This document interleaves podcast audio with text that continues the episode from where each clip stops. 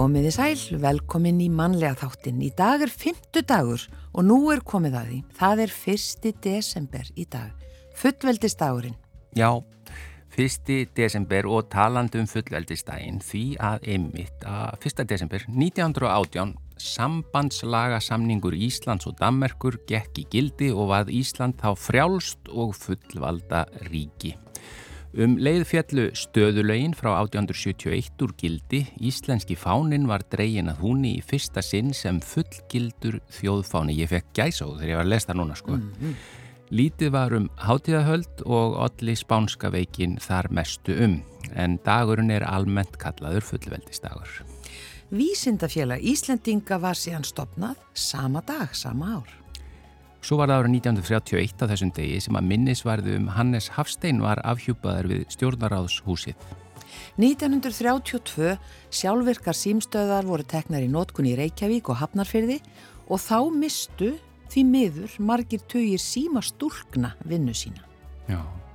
Rosa Parks neytaði að standa upp fyrir kvítumanni í strætisvagni í Bandaríkjónum á þessum degi árið 1955 og var handtekinn vegna þess. 1972 áhuga mennum vendun uh, Bernhöfts Torfunar gengur blísför um miðbæ Reykjavíkur til að vekja aðtegli á málstað sínum og núna myndir mann og kannski segja áhuga fólk en þetta er skrifa fyrir svo allu síðan. En við getum þakkað sem sé þessu fólki e, fyrir það að Bernhöfts Torfan er þarna enn og Já. svona falleg eins og hann er og hús Jón Sigurssonar var formlega vikt í Kaupmannahöfna þessum degi árið 1974. 1975 Silfurbergs náman hjá Helgustöðum í Reyðarfyrði var friðlýst sem náttúru vætti. Svo var það þessum degi árið 1983 sem að ríkisútvarpið hóf útsendingar á FM-bilgu sem Rás 2. Já og mönnum fannst þetta óörlega eitthvað poppað og, og mikið svona kærulegs á ferð. En e, þetta, svo hlusta maður á þetta í dag og þetta er bara eins og menn sé að lesa upp úr handritunum, þetta er svo formlegt. Já, það eru 40 ára á næsta ári. Já, Bilgjan hóf síðan að senda út stöðut allan Sólarhingi 1986 á þessum degi fyrst íslenskra útvarpstöðva Hilmar Örn Hilmarsson hlaut Felix Vellun fyrir tónlið sína í kveikmynd Fridriks Þós Fridrikssonar börnum náttúrunnar á þessum degi árið 1991. 1994 þjóðarbóklegan var opnuð í Reykjavík. Og uh, yfir í efni þáttanins í dag uh, við ætlum að fá hann Daniel Gunnarsson til þess að segja okkur sögu sína en hann hefur frá unga aldri barist við ofþyngd Eftir að hafa kynnt sér vel efnaskipta aðgerðir fór hann í maga-ermis aðgerð fyrir um það byl einu og halvu ári. Síðan þá hefur hann unnið markvist með andlegu og líkamlegu heilsuna í kjölfar slíkrar aðgerðar og það er ótt að segja að líf hans hafi tekið miklum breytingum á þessum átjón mánuðum. Því fyrir tíu dögum stóð hann í á sundskilu upp á sviði og tók að máti silfurvölunum á byggarmóti í fitness eh, keppni Karla. Daniel að segja okkur betur frá þessu ferðalagi síni hér eftir nokkra mínútur. Safa Jemai kom til Ísland frá Túnis fyrir fjórum árum og hefur nýtt tíman vel. Hún fór strax að læra íslensku og vinna sem forritari en hefur í dag helgað sig innflutningi á krytti.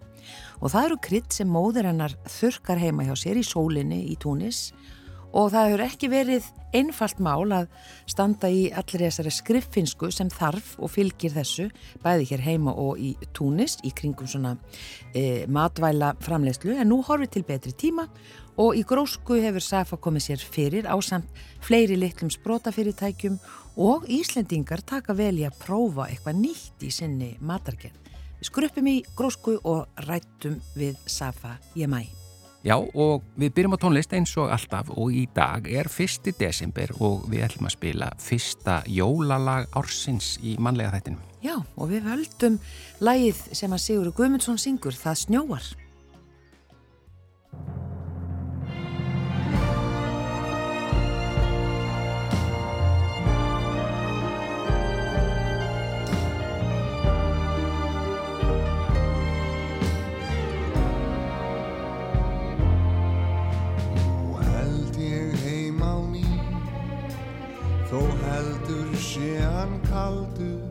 Og þú bæti bilinn í og býti frostið kinnar mér sem galdur. Nú held ég heim Þó heldur sé hann napur og þó gatan enn sé greið. Þá geng ég hana ofur það snjóar Í hjarta mér það snjóar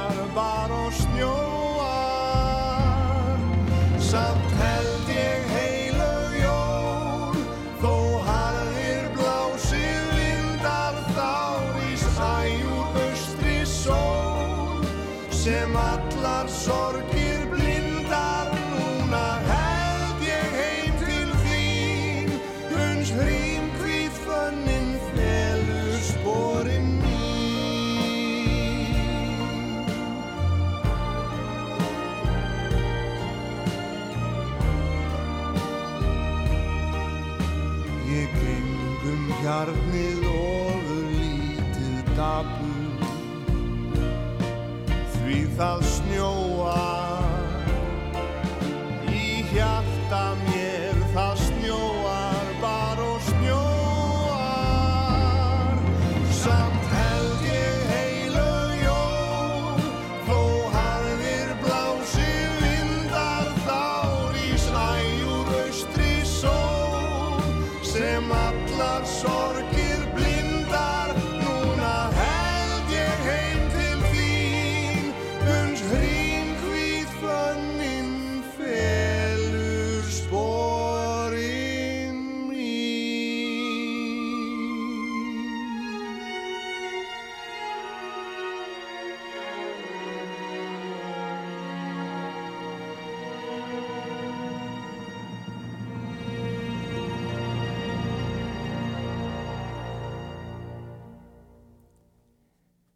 Já, þetta var fyrsta jólalag uh, vetrarins hjá okkur í manlega þættinum. Það snjóar Sigur Guðmundsson, lag eftir Norman Newell, Iller Patacini og Braga Valdimar Skúlason, það sem bragi samt í íslenska tekstan. En við erum komið með góðan gest hérna Daniel Gunnarsson, sæl og að vera velkomin í manlega þáttin. Takk að fyrir, sæl. Ég frétti bara af þér, uh, sá mynd af þér í sundskílu. Rétt. Það sem þú varst að, að nikla vöðva. Sérsaumari sundskilu. Já, já sér sömur, já. Já. Og, og mér var bara bent að þú ætti svolítið merkilega sögu. Já, það Eh. er kannski rétt. Að því að sko miða við þessa mynd sem ég sá að þér, þá var ekki að sjá að þú hefði verið að, að, glíma við ofþyngd stóran hluta af æfiðinni. Nei, Segðu okkur aðeins svona forsöguna. sko, ég hef í rauninni, ég man ekki eftir mér öðru sér heldur en í yfirþyngd, sko, síðan ég var bara krakki, tíu ára pluss eitthvað svo leiðis. Og hérna, og svo kannski byrjar þetta, ég, bara áttan, maður að segja, ég veit ekki, þetta er svo dramatist orðað þannig kannski. En allavega svona fyrsta átækið kemur hann í kringum aldamót þegar hérna fyrstu próteinseikarnir fara að koma og, og hérna ræktin fyrir að vera vinsæl og svona og Og þú hvað gamall? þá er ég kringum 20, Já. 19-20 eitthvað svo leis og hérna þá fer ég svolítið ólinn og hérna teka mér fyrstu 30 kílóan eða eitthvað, fyrstu, fyrsta alvöru breytingin verður þá sko Já. og hérna á einu vetri cirka og svo verður það eða svolítið þemað bara næstu 20 ár sko, þetta svona upp og niður veist, þannig að ég var endalaust að, að taka svona skorpur veist, einhverja hálft ár, eitt ár, eitthvað svo leiðis taka mér 10, 20, 30 kíló og svo bara slappa af og fara í bakarið og geta pizzur og eitthvað þess á milli sko og, og þingjast Já. og hérna, En þetta er svona, sá í rauninni svona vítarhingur að fara upp og niður og svona, já, veistu, ertu, getur eitthvað skoðað svona í baksýninspeglunum einhvern veginn hvað hva gerist, einmitt þess að þú segir bara slakar á eða, eða þetta er eitthvað bara, þú veist, og að maður var einhvern veginn aldrei almennilega með á því hvað olliði að maður datt aftur úr gýrnum sko. já, Svo fekk maður alveg nóg og, og, og ég kallaði þetta stundum bara manjur sko, veist, þetta maður fór bara einhverja svona, þú veist, að ég geta allt og lítið og reyfa sig allt og mikið og ég geta bara að skýra kjúkling og eitthvað svona einhverja mánu og það heldur það engin út sko. Já, og hérna eitthvað svona brjálaði sko bara alltaf að redda þessu ég er svona svolítið svo leið sko ég er alltaf bara að vaða í hlutinu og redda þeim alltaf sko og hérna Og eins og við kannski, við um fjalla mikið um það hér í þættinum, að svona einhvers konar aggressífir kúrar Já. eru kannski ekki alveg Já. málið. Og ég hef prófað hans sko til margt, afsakja ábreiðið, ansið margt, en hérna, en þetta var alltaf svona, en ég var svo sem alltaf aktífur þannig, var alltaf lang oftast eitthvað að æfa og náttúrulega vann með líkamannum, ég er, var einamæður á þessum árum sko og hérna kannski það held manni í horfinu líka. Veist, ég var alltaf í einhverju reyfingu og búin að vera að lifta og veist, prófa crossfit og veist, alls konar svona hjóla mikið, tók nokkur ári því en, en alltaf þessi sko, alltaf þetta upp og niður, þetta jójó sko. hérna, Hvað hva gerir svo í fyrra? Sko, í fyrra að þá hérna þetta er hefst ferli þannig að, manneskja með nákomin hafi farið í svona magarmiðsækir eins og og hafi verið mikið umræðin þessi efnaskipta aðgerir mm. á meldingafærum og hérna það sem gerist einhvern veginn þá að þá færist þetta nærmir þá er þetta einhvern veginn ákvörðin sem að ég ætla að taka fyrir mig, ætla ég að gera þetta ekki. Fram að því hafði maður heyrt eitthvað um þetta og hérna þá er þetta bara eitthvað sem aðrir voru að gera. Þetta var ekkert fyrir mig, það var bara einhvern veginn hugsunhátturinn og þú veist, árin þar og undan má segja svona innan gæsalappa mín náttúrulega svibla hafi verið svona 20 kíló átján mánu. Ég var alltaf að fara upp og niður með þessi 20 kíló og leið ágætlega svona í kringum 100-105 kíló en, en effortið einhvern veginn sem ég þurfti að leggja í það að halda mér þar var bara of mikið eða ég hafði ekki það sem þurfti til, til þess veist, og hérna og svo fer ég að kynna mér þessar aðgerðir og hérna og, og gerir það svolítið grúndíkt og, og ákveð svo að fara í það sem er kallað magarmisaðgerð og hérna þar er þar eru svona mismjónandi þetta eru þrjár aðgerið sem eru, sem eru yfirleitt notaðar og, og magarmisaðgerðin er svona ég veit ekki hvað að segja, kannski minnstængirpið ég veit það ekki, en hún er ekki afturkræf sko, þú veist, þeir fara bara inn og þeir bara sennilega fjarlægi 80% af maðanum, fjarlægi eða bara MNC á maga fyrir sig svona, sem belg svona, svona, svona svolítið digur banan eða svo liðs að þá taka þér bara 80% af maganum og það sem eftir er, er lítur eiginlega út eins og ermi bara á skýrtu eða peysu sko. Já, taka rauninni belgin af Já. Já.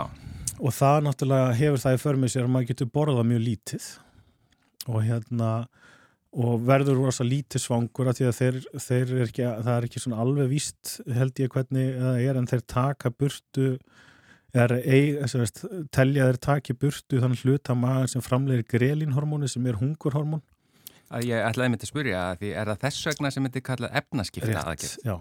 já, og ég finna svo sem að það er margt búið að breytast í líkamannum bara annað líka sem að, þú veist, ég kannski kann ekki einhver svona læknisfæli skil á já.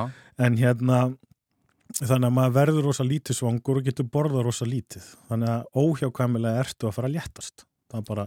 og bara förum þá yfir það sko að þetta er, verðist vera svolítið mikið yngripp í, mm -hmm. í líkamann hvernig sko eftir aðgerðina hvernig líður og hvernig fer þá uh, ég meina það... hvað varstu orðin þungur fyrir aðgerð? Ég var sko ég vikta með þingst eitthvað 130 en þegar ég var hann í kringum 20 aðeins ég tekja þetta fyrst áttak ef ég sé myndir af mér að þá var það tímaböl sem ég viktaði mig ekkert og ég veit ekki hugmyndum hvað ég var þungu þá Já. en ég var þetta 125 eða eitthvað þegar ég fer í aðgerina cirka og hérna og þetta er maður er merkilega fljóttur í jafnast þannig með í rauninni sko að þeir klippaði magan bara eftir endurlöngu sko að þetta er svona einhvern veginn inn í manni og þú veist, maður er bara konu lappir daginn eftir og, og veist, það er bara fínt að fóra út að ganga og svo leiðis en svo þarf maður að passa sér fyrstu fjóra-fimm vikurnar hvað þú ert að láta tóni í fyrst er bara fljótandi og svo maukað og svo hægt og rólega tekur inn fasta fæðu eftir það sko. Mm.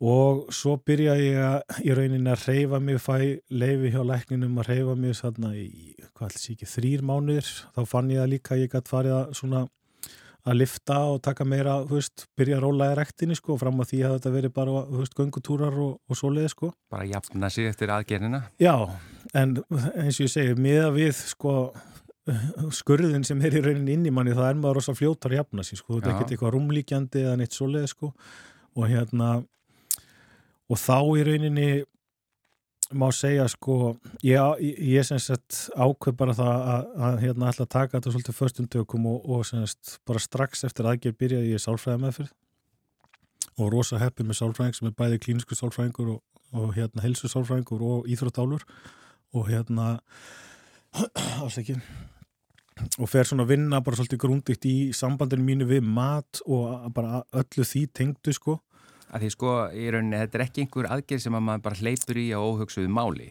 Þetta Nei, ég myndi ekki mæla með því sko. Að því að, að, að eins og þú segir, já, andlega hliðin er svo stór hluti af þessu líka. Já, og það er það sem ég við fólk sem að hefur nálgast mig og verið að spá í þessu sko, ég segi sko líka minn sér um sig.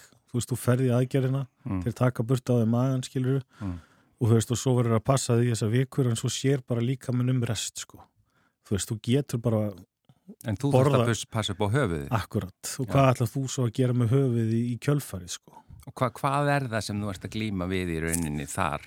Sko ég hafði prófað svo sem ímislegt, alls konar kúra og, og hérna prógram fyrir matarfíkla og ég tengdi rosa lítið við það og ég kemst svo sem að því hérna í, ég kemst að ýmsu í þessari sálfræðmeð fyrir sko að segja það. Já. og hérna og svona sambandutt við mat var kannski svona byggt aðeins og skökkum forsendum og búið að vera það hansi lengi sko, ég fæð svona upplifið svona að ég fá, geti fengið ákveðna lífsamingju bara úr mat sko.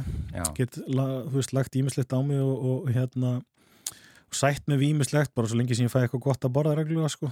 Og það var bara mjög óholt fyrir mig sko. Og hérna og svona óholt minnstur í kringum það búið að vera mjög lengi sem að, sem að einhverjir í kringum ég voru búin að spotta á, á einhverjum svona aðstæðum sem kom upp en, en ég var ekki búin að kveikja á sjálfur sko. Og hérna og fyrir mig að, að, að, bæði ég var náttúrulega eins og ég segi í þessari sálfræði meðferð, þú veist, heimilislæknir minn var mjög styðjandi og, þú veist, alveg með þú veist, ég hef búin að vera á sjúkarþjálfurum og engaþjálfurum og þú veist, með rosa gott teimi í kringum í bæði af vinum og kunningjum og ættingum skiluru, þú veist, það voru einhvern veginn allir bara með, þú veist, á því hvað að hérna, ég ætlaði að gera þetta og reyna að gera þetta eins og ég gæti, sko. Og hérna og svo gerist það, eða semast, ég byrja semast að fyrir ræktina sem ég er búin að gera hundra sinnum á síðustu 20 árum, þú veist, mæta ég ræktina enn einu sinni, sko. Og hérna var reyndar mjög heppin og er mjög heppin með þjálfara, hann er alveg frábær strákur sem að geri fyrir mig prógram og, og svona heldur utanum þetta hjá mér og, og svona við erum með ákveðna svona framtíða sín svona hvert við viljum stefna byggt á mínu markmiðum og svona en ég vil lifta bara eitt sko, ég veist, vil bara setja tekno í erun og, og, og svo er bara einsmannsparti á mér sko. Já, ég meina ferðu fljótt að missuru fljótt mikla þyngd eh, Ég hætti að gerist til til að ratta hann upp af við sko, Já. nánast hrínur ammanni sko, þó bara sest bara að fara út að labba á svona sko, að því bara magnið sem þú ert að borða, bara kalori inntakan er bara svo lítil já, að það er rauninni feð bara að renna af manni skilur strax sko. Og hérna og ég er rauninni koni mína lægstu þyngd þarna einhvern tíðan um haustið ábyggla oktober eða eitthvað er ég koni 76 kíló sko. Sem er bara, hvað, 5 mánuð, 6 Já. mánuð eftir Já, og Já. hérna og það var svona, þú veist, því sem myndar að mér þú veist, þá var ég bara nánast orðin hóraður þar sko, já, en hérna en upphafið kannski að þessu fitnessæfintýri svona í kjölfarið sko, þú veist, byrjar semst ég fyrir ræktinu sjóra að segja og, og ég finn bara strax að semst, eins og ég sé, ég er búin að gera þetta hundra sinnum áður, koma endalust af, veist, prófa allar líkamsættastöðunar og, og, og prógramin og allt rastlið en það sem er kannski breytingin þarna er að þessi, þessi breyta að ég er hingað komin til að þurfa að meðra mig. Og Mhm. farin.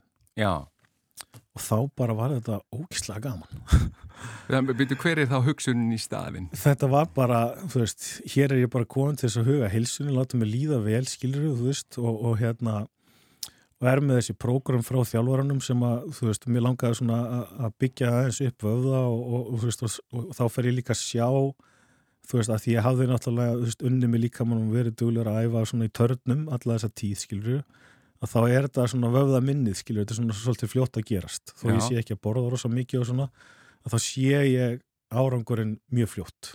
Já, og hérna og ég held að þessi stærsti þáttur sko að, að ég var kom alltaf og ég hugsaði aldrei ég var hingað komin til að þurfa að megra mig. Að þú veist ég þarf að koma henni til þess að leggja af og eitthvað svona. Þessi niðurifs svona neikvæða neikvæðu formerki á því að fara í ræktina Já, sem höfðu oft verið, þú veist, annarkvort var maður mættur til þess að refsa sér að þegar maður hefði getið eitthvað mikið. Já, já, eða þú veist, berja sig áfram til þess að missa þessi kíló sem maður endalast voru eitthvað að þæla styrmanni, skilur En ég, ég, þessi hugsun sem hún segir, annarkort í sambandi við mataræði eða í sambandi við æfingar, þetta, þetta það að vera að refsa sér, veist, að vera að neyta sér um eitthvað sem að eins konar refsing, það, það er eitthvað sem að kannski er ekki endilega góða leiðin, sko. En, en á móti hugsaðu þá hvernig, þú hugsaðu þetta er bara fyrir mig, Já, og, þetta er bara fyrir heilsuna. já, og svo bara fannst mér þetta bara, og finnst ennþá ógeðslega skemmtilegt. Og bara ég bara rækt eins og ég segi og þú veist, er með skemmtilegt prógram þú veist, Mhm. og ég veit að það er einhver hugsun á bakvið eitthvað markmið og eitthvað og svo set ég bara mínu músík í erun og, og þetta er bara gaman. Og það er held ég grundundurinn líka að því og ég segi við fólk aftur sem að er að leita til mér og fyndu þér eitthvað sem að því finnst skemmtilegt.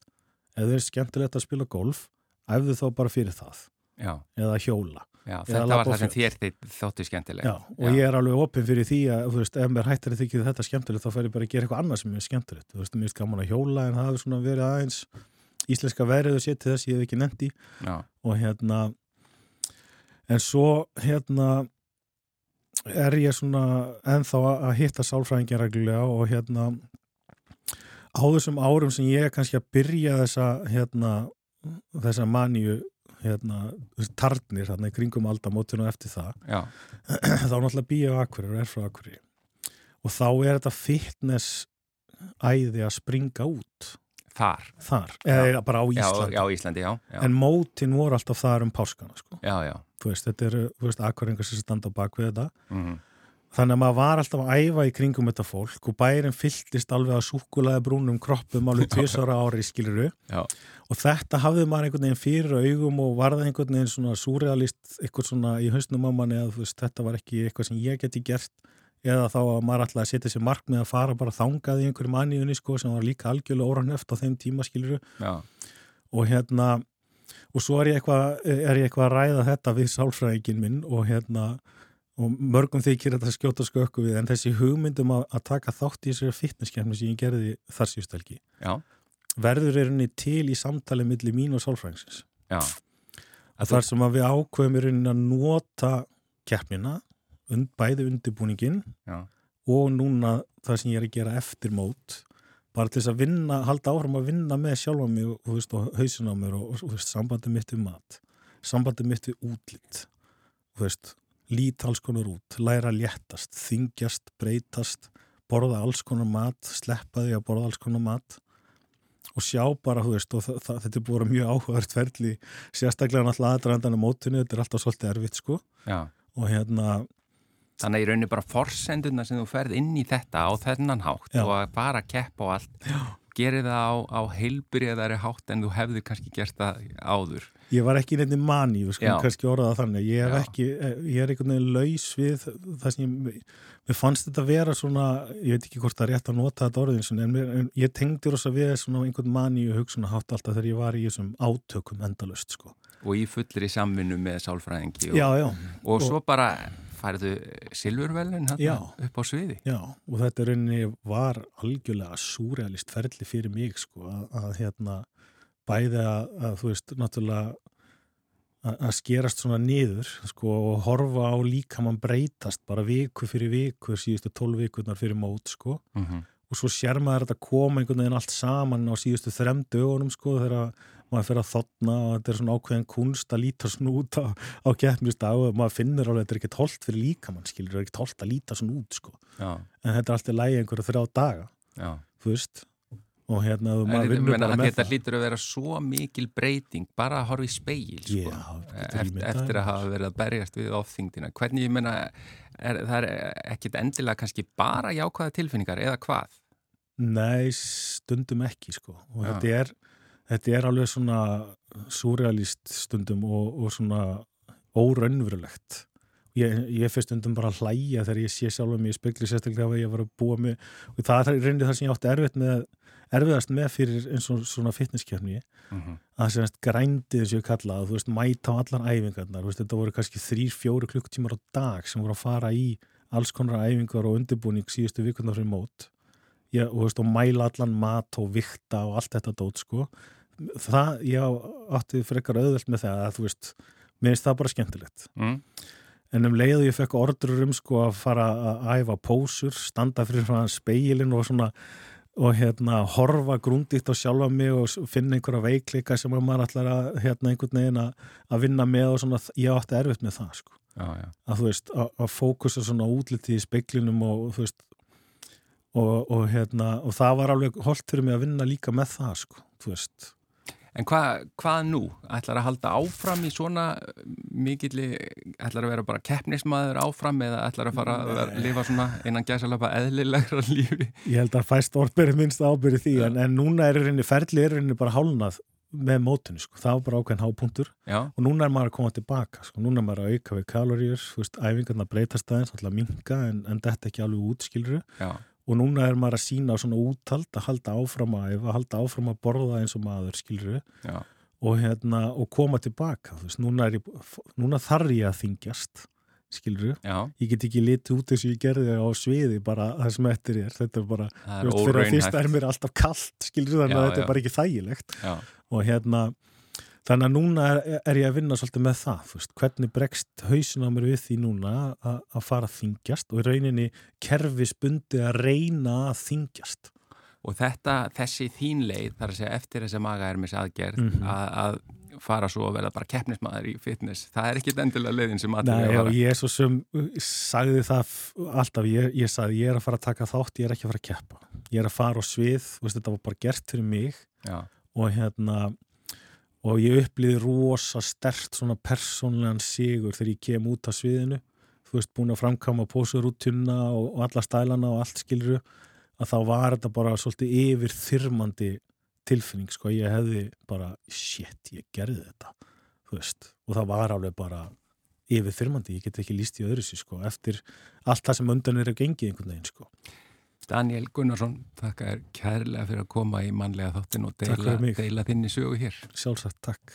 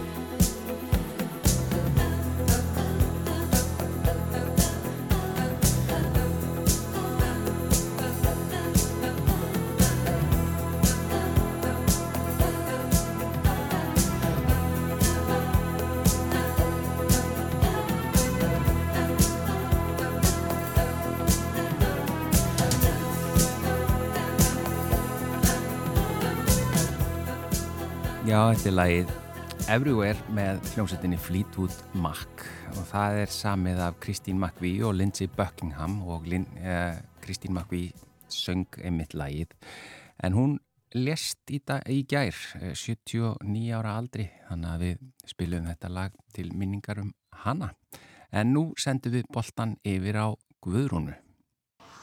Við erum komin hérna í Grósku í Vasmýrinni og hér er alveg ótrúlega margt spennandi í gangi. Þetta er hús sem rúmar alveg ótrúlega fjölbreytta starfsemi og fyrir utan og hvað þetta hús er vel hefnað og fallegt og fjölbreytt og það er bara einhvern veginn eins og það sé alveg endalust hægt að ganga um það og upp á milli hæða og hér er gróður og, og hérna svona skemmtilegt svona samveru hotn hér og þar þar sem fólk getur bara uh, svona bara notið þess að, að vera í róliheitunum og hér er svona bara svona svona regnhljóð svona til að fá maður til þess að slaka hans á. Og uh, ég stöðt hérna fyrir framann svona eitt hluta í grósku það sem stendur lifandi samfélag frumkvöðla. Og hér er hún Safa Jemæ með eh, starfsemi en hún uh, er að selja krydd. Og það er nú bara ekkert að selja krydd heldur er heilmikil saga á bakvið bak við þetta, segð okkur hans bara frá, frá því hvaðan þessi hugmynd sprettur og hvaðan hún kemur. Já, einmitt, hæ. Hérna, ég flutti árið 2018 til Íslands og þá hérna, tók ég tvö ár áður en ég fór tilbaka til Túnis til að heimsækja fjölskylduna mína. Þegar ég fór þarna 2020 þá byrjaði ég að upplifa matinn öruvísi, sérstaklega maturinn sem mamma býr til heima. Mm. Þá fattaði ég að kryttin sem hún býr til frá grunni er rosalega gott og skiptir miklu máli að hafa svona ferst og gott krytt. Þannig ég hérna, kom aftur til Íslands og tók með mér smá pröfur og fór að prófa þetta krytt með íslenska mat. Og það kom svolítið óvart hvað hérna, þessi blanda kom svo vel saman. Já. Og ég hérna fór að hugsa og ég sagði að það væri rosalega gott að fá fleiri fólk til að prófa þetta og, og sjá hvað er þetta gott. Þannig að svo hérna fórum einu senni á Súmak til að borða og, og fjekk að spjalla við kokkinn þarna mm. og ég sagði við hann, heyrðu, mér dætti eina hugmynd og bara endilega segðu mig hvort þetta sé eitthvað vittlust. Mér langar rosalega mikið að byrja að flytja inn handgert gritt sem mamma býr til frá grunni og sól þurkar. Og hann sagði, vá, þetta er geggjað, bara okkur langar í svona, það vandar svo leys á Íslandi, endilega byrja að gera þetta. En ég er, þú veist, ég, ég er ekki matar geira, ég er bara forritari, ég kann ekkert af þessu. Þannig ég fór að spurja fleiri kokka og tala við það og segja bara, þú veist, viljið þið fá þetta, hvernig líst ykkur á þetta? Og svo hérna fjekk fjölskylduna mína með Þannig að við fórum hérna, að finna út úr því og hvernig gera það og þá hérna, stopnum við framleiðslu fyrirtæki út í Túnis og innflutningsfyrirtæki á Íslandi. Og það var svolítið krefjandi og maður þurfti að læra á meðan að gera já. hluti sem er, já, sem er doldið skemmtilegt en smá erfitt. Já, bara... Er það erfiðara hér heldur en í Túnis? Ég myndi segja að það er bara jafn erfitt. Mm. Það er þú veist svo erfitt að stopna framleiðslu fyrirtæki matargeira. Þú, þú þarf að vera með alls konar vottorð og, og fá hérna, gæja kerfi og gera allt rétt og allt svona á hreinu, hafa allt á hreinu. Yeah. Um, þannig að við tókum heilt ár til að klára allt og við náðum loksins að byrja að flytja inn kryttin í óttubur 2021. Þá fórum við að vinna með veitiðan stöðum Þannig að það er eins og hérna hérðin, súmag, dakkarós, eh, matarkjallarinn, grillmarkaðurinn að nota þessi krydd hjá þeim og það eru famenn sem kunna að nota eh, þetta hráöfni. Mm. En svo hérna í mars, eh, núna í mars 2022, þá náðum við að, lánsa og, og þá vorum við með opnunarparti á súmag og við fengum að bjóða uh, kokkum og fömennum og, og fólk til að koma og smakka með okkur og, og það gekk rosalega vel. Þannig við lánsuðum þá fyrir einstaklinga og við erum líka með uh, sérstakarinnbúður. Við erum ekki að nota plast, við erum að nota viðarkrukkur uh, úr olifu 3 timbri og sem maður kaupir bara einu sinni og svo fær áfyllingar úr pappirsbókum. Þannig að þetta er sjálfbært og, og já, öruvísi lausn heldur en sem við vorum vanir. Uh, það er búin að ganga rosalega vel, auðvitað er svolítið erfitt og var svolítið, já, krefjandi í COVID en eftir opnunarpartíi þá fór þetta hækkandi og vaksandi sem er rosalega gott og ég er svolítið heisa hvernig Íslendingar eru duglegir í að vilja að prófa eitthvað nýtt mm. og eru, já, við erum, já, við erum ofinn fyrir öllu.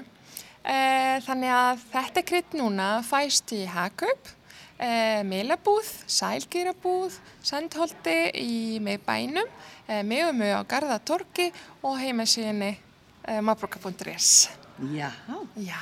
Eh, hvað er það svona sem eh, þér fannst þetta að hvað leiti passa við íslenska mat og var það frekar fiskur en kjöt eða hvað var það? Um, sko, það eru upp, uppskriftir sem við erum að nota eru alveg skýrar.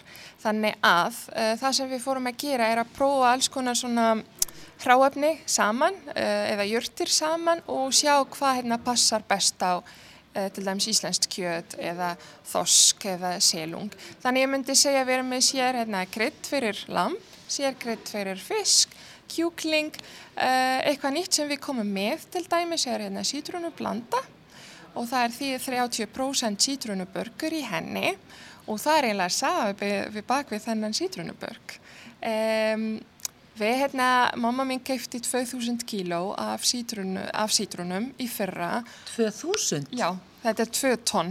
Vá. Wow. Já, og, og, og hérna þurfti að, þú veist, eh, við nótum bara skinnið, bara húðina af og, og þurka með sólinni og svo hérna enduðum við að fá bara 58 kíló af bergi, sítrunubergi, sem er alltaf rosalegt. en þetta er bara besti sítrúnubörgurinn sem maður fær. Þannig við erum að nota, já, hann í sítrúnublöndu og alls konar hérna, blöndum mm. og það er rosalega ekta sítrúnubörgur, rosalega gott og passar með kjúkling og líka fiski já. og sætarkartöflur líka, mm. já. Hvernig, er, hvernig er þetta unnið heima hjá þér? Hvernig er mamma þín að vinna þetta og, og hvað fer fram í túnis? Já, já. Uh, við erum sem sagt rosalega heppin að, fá, að hafa sól í túnis, þannig er rosalega gott veður. Þannig það sem hún gerir er að hafa samband við bændur uh, þarna uh, og reynir að fá bestu hráöfni, bestu hráöfni frá þeim, fá þetta til sín og svo hérna hreinsa, svo hérna mala með mortel ef það þarf og svo þurka með sólinni og svo þarf að bassa upp á þetta því að þetta, það er eins og hérna, með sítrúnubörkinn það þarf ekki að vera of blöytur eða of þurr mm. það þarf að hafa þetta svona bassa hvernig, já, þetta er allt svona svo, svolítið lántferðli yeah. þannig að, já og við erum ekki, hún, er, hún, er, hún reynir að gera þetta eins og í gamla daga allir svona frá hjarta og bara gera þetta mjög vel og allt með hendur við erum ekki með vjellar eða opn eða neitt Mm. Þetta er allt sólþurkað og gert bara, já. já. já. Erst þú alin upp þarna á þessu svæði? Já, já. Ég er hérna sem sagt alin upp í um, Bísert sem er alveg norður, svolítið nálagt síkileg og þetta er veiðibær, þannig að við erum alveg við miðjarhafis sjó. Um, svo já, ég var al, alin upp þarna og flutti til Íslands 2018 fór hérna að læra íslensku fyrst og svo fór að læra hugbúnaverkfræði og svo ákvæði að stopna meitt eigin fyrirtæki. Já. Það er aldrei stugnar, þetta er stuttu tími, já. 2018. Já, fjögur ár. Þetta er fjögur ár. Já, en, en, þetta er lísa hrætt. Já, en úti, hva, hérna, í hvað námfóstu og hérna, kemur þú stóri fjölskyldu og svona, segð mér að svona, svona frá þínu bakgrunni. Já, einmitt. Um, já, ég á, við erum hérna fjör sískinni saman Þannig á þrjár sýstur, uh, tvær sýstur og einn bróður. Um, ég byrjaði að læra tölvunafræði síðan ég var 14 ára gömul og ég held áfram í því. Uh, svo hérna fór ég í háskóla út í Túnis í höfuborgarnarsvæði og held áfram líka að læra hugbúnaverkfræði. Kláraði fjögur ár þarna og svo uh, langaði mig að prófa eitthvað nýtt og þá, hérna, ég var einu sinni þú veist í tölunni að læra fyrir prófið og ég sá auðlýsingu um Ísland að segja bara komi hingað og, og hérna vinna sem camplítur. Þannig að uh, ég sagði bara já hvað er slá til og, og tók hérna og sótti um og kom fyrsta sinn 2017 til að vinna sem camplítur í hverjargarði í gróðurhúsi þarna í, í heilsuhúsinu. Þá hérna, það var rosalega, já, bara magnað æventýri að upplifa Ísland og, og líka að byrja að uh, finna hvað langar, já, mann að gera. En það var, já, rosa öflugt.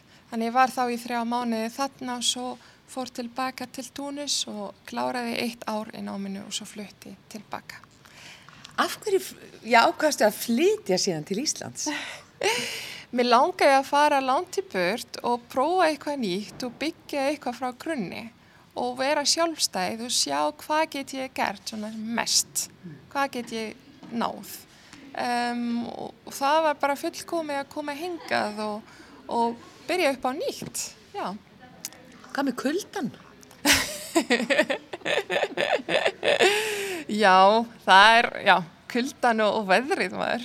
Það er svolítið erfitt, já, já, en maður bara alltaf leið var að klæða sér mjög vel og, hérna, og vera undir steppi og já, það er, já, já, maður er þessu. Eh, Svona umhverfið þitt í Túnis, eh, hérna, hvernig getur þú líst því? Þú sagði að það veri mjög mikil sól, er Já. það sól allan á sinns ring og hvaða gróður er það og svona? Já, um, það er svolítið mikið gróður þarna, það eru fullt af hérna, oljutrjám allstar, um, fullt af uh, grænmiti í Túnis, ávextir, ég borðaði svolítið mikið ávexti hér sko. um, við, við búum við sjóin, þannig að það er rosalega næs að fara í sund þarna, ég bara, veist það þarf ekki að vera mikið bara eitthvað kortur. Uh, fólk er svo þú veist heitt þarna og svona brósandi og það er svolítið mikið ekki háaði en þetta er svo lifandi borg. Þannig að uh, hvað meira? Um, það er ekki sól hérna allan tíma en það er mest í sumar þá getur verið upp á 35 stig stundum 40 í ágúst sem er smá krefjandi þá getur gert ekki neitt eiginlega nema að fara í sund og, og hérna já Ferðu oft heim? Eh, já, nú fer ég oft, já, út af hérna, vinnunni og ég hérna, tók ákvarðunum að reyna að heimsækja fjölskylduna mína eh, einu sinni ber þreggja mánu. Já. Já, Hefur hún komið hingað? Eh, ekki ennþá, en uh, mig langar að fá fjölskylduna mína hér. Við ætluðum að gera það um, í fyrra, en svo var COVID, en svo fór ég hérna í sömar tvísvar, en næst allar hún, já, fjölskylda mín að koma hingað. Já. Er hún hissa á því að þú bara búir á Íslandi? Já, mjög. það er ekki, já, Ísland er ekki, já, ekki margir sem vita mikið af Íslandi hérna í, í, í Túnis en þetta var doldið, þú veist, sérstakt að hvað að flytja hingað en þau voru bara, þú veist, þau sögðu við mig bara, já, ef þið langar að gera þetta þá erum við, við stöndum með þér og þú bara áfram með þetta, þú gerir það sem þið langar að gera. Já. Já, þannig það er rosalega gott að hafa fjölskylduna mína alltaf í kringum mig og hjálpa. Já. Já, Kryddin, eh, svona, hvaða krydd eru þetta aðalega? Hvað er svona einkennandi fyrir, fyrir Túnis? já, sko það er rosalega vinsælt að nota kjúmen í túnis, í, í súpum, sósum, eh, líka til að krydda kjöt, til að marinera, já, kjöt basically, eh, þannig að það er vinsælt. Svo er líka eitt annað, það er satar. Þetta er eitthvað nýtt hér. Satar uh, er hérna, eins og villi timjan eða villi, uh, hérna, vilt jört um, sem vaksar náttúrulega upp á fjöllum og fólk fer að týna uh, þessa jört sérstaklega til að nota hana í te eða til að marinera uh, já, mat. E, þannig að við ákveðum að nota þetta til dæmis í blöndunum hjá okkur eða líka til að selja bara svona hreint satar. E, og það er eins og súmak, þau eru að nota svo mikið af því uh, á brauði, grillað brauð sem þau eru með. Þannig það er það. Svo erum við með svo mikið hérna kæjan. Við, hérna, við erum með kæjan en við erum ekki svo með mjög sterkinn kæjan. Þannig við reynum að passa upp á það. Þannig að það er kæjan, svo er líka harissa. Já. Já, mér langar rosalega mikið að byrja að fá harissa hingað það eru nokkurinn sem nota hana, en ekki mikið. En harísa sem sagt er hérna, chili, malað chili með hérna, olivolju, um, hvítlaug og smá salt. Og það er rosalega gott að nota harísa í súpum, til dæmis tomatsúpu, uh, til að krydda kjúkling, um, bara alls konar. Þú veist, líka bara setja á brauði eins og hérna chili sósu, rosalega gott. Og það sem er sérstækt hjá mömmu er að hún notar bara olífu, uh, olíu, olífólju. Hún setur ekki vatn í henn sem, já, sem er rosalega svona gott og mm. hágæða. En hvað fannst þér um íslenska matinn þegar þú komst hingað? Oh, það var, já, ég var ekki, ég var ekki sátt, veist. ég var, ó nei, við vandar krydd hér. Þannig að ég var, ég var fyrst svolítið, ok, allt er góð, en svo, hérna, ég ákvað bara að, hérna, elda íslenska mat með túníska kryddi og það passaði rosalega vel saman. Þannig ég fann lausn og það bara rættaði öllu. Er eitthvað svona uppáhald hjá þið sem er íslenskt? Um, já, ég er svo mikið hérna í kjöt, sko, ég bara elska hérna lambakjöt, elska selung, um, sætarkartöflur, já, við erum ekki með hérna, sætarkartöflur hérna eh, í Túnis, eða það er ekki vinsælt að elda Já. Þannig já, sætarkartöflur og sveppasúpu. Sveppasúpu? Já, ég er svo mikið sveppasúpu manneskja. En svona þinn uppáhaldsmatur heima? Um, í Túnis, uh, það er kúskús, já. Uh, við hérna heima búum við hérna handgert kúskús. Þannig að við kaupum ekki kúskús, við bara veist búum til kúskús heima og þurrkum, sóluþurka kúskúsin. Já. Sem er, já, nú þegar ég hugsa tilbaka þá finnst mér þetta, vá, þetta er rosalegt, þetta er svo mikil vinna við baka þetta en mm. svo mikilvægt að hafa, já, kúskús heima fyrir veturinn. Hvað er í kúskus? Hvernig er það gert?